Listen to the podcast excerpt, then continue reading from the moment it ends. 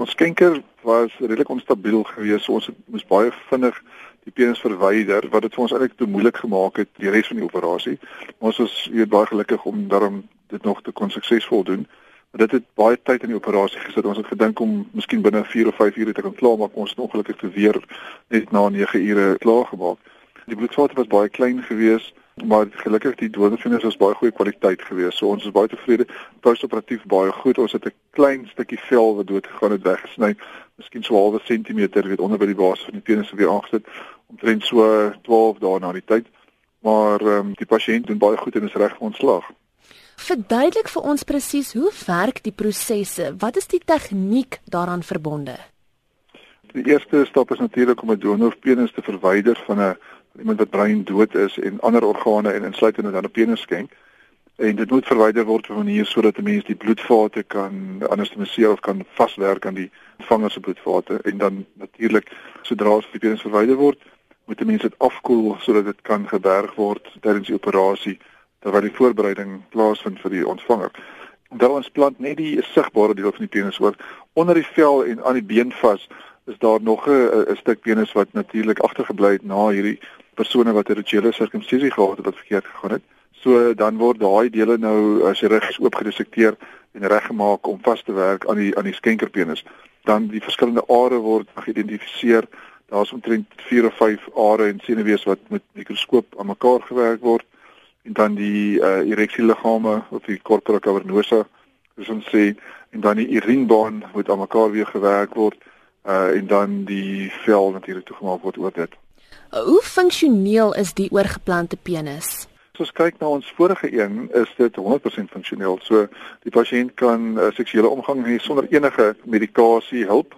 Hy kan natuurlik staan en urineer wat hulle voor die tyd nie kan doen nie en die estetiese waarde is is onskatbaar. Ons huidige pasiënt kry reeds ligte ereksies vroeg in die oggend Ons het hom op die oomblik op medikasie wat omtrent 3 maande sal aanhou om die reaksies aan te help. Maar na 3 maande beplan ons om om daai medikasie te staak soos ons eerste geval.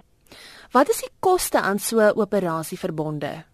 Wat ons kan gesien het van ons eerste geval dat die die eerste maand wat die duurste is en en uh, ons eerste geval was nogal duur geweest ons het 3 kere teruggevat teater te verskeie probleme wat ons uitgesorteer het. Ehm um, en ons het ook baie meer medikasie gebruik as wat ons dalk kon opgespaar het. Ons was benoud vir verwerping. Maar daai eerste maand het ongeveer 252000 rand gekos. En dan is dit alles, jy weet, chirurgiese tyd, chirurgiese fooie wat die hospitaal sig vir as iemand 'n privaat penisoopwinding by ons sou gedoen het.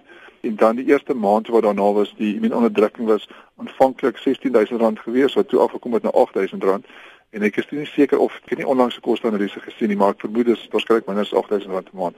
So ja, dit is ongelukkig 'n redelike groot klomp geld. Mense moet ook onthou dat mense spreek 'n groot probleem aan en die mense hoop gee vir 'n klomp mense deur die operasie.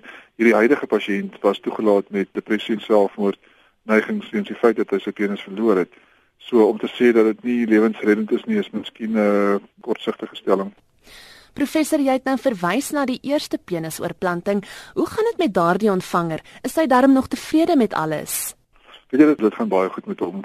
Behalwe vir die medikasie wat hy nog elke dag moet neem, het hy so half amper vergeet dat hy op een soort planne gehad het. Hy hy geniet sy lewe.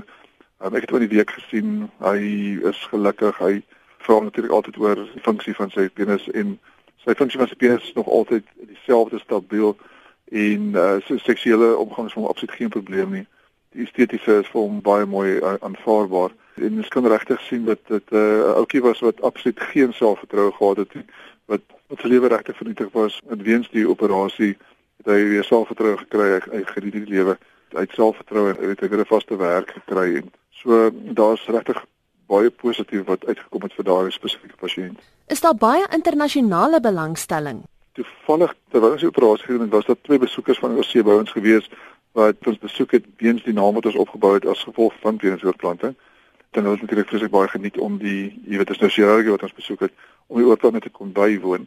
Ek dink ons kan regtig trots wees in Suid-Afrika dat dit kom reg het want baie lande wil dit doen of probeer dit doen, maar die spanwerk blyk nie daar te wees wat ons wel kon regkry in Suid-Afrika nie. So ek dink vir die span wat ons weet kan ons regtig trots wees op wat ons vermag het.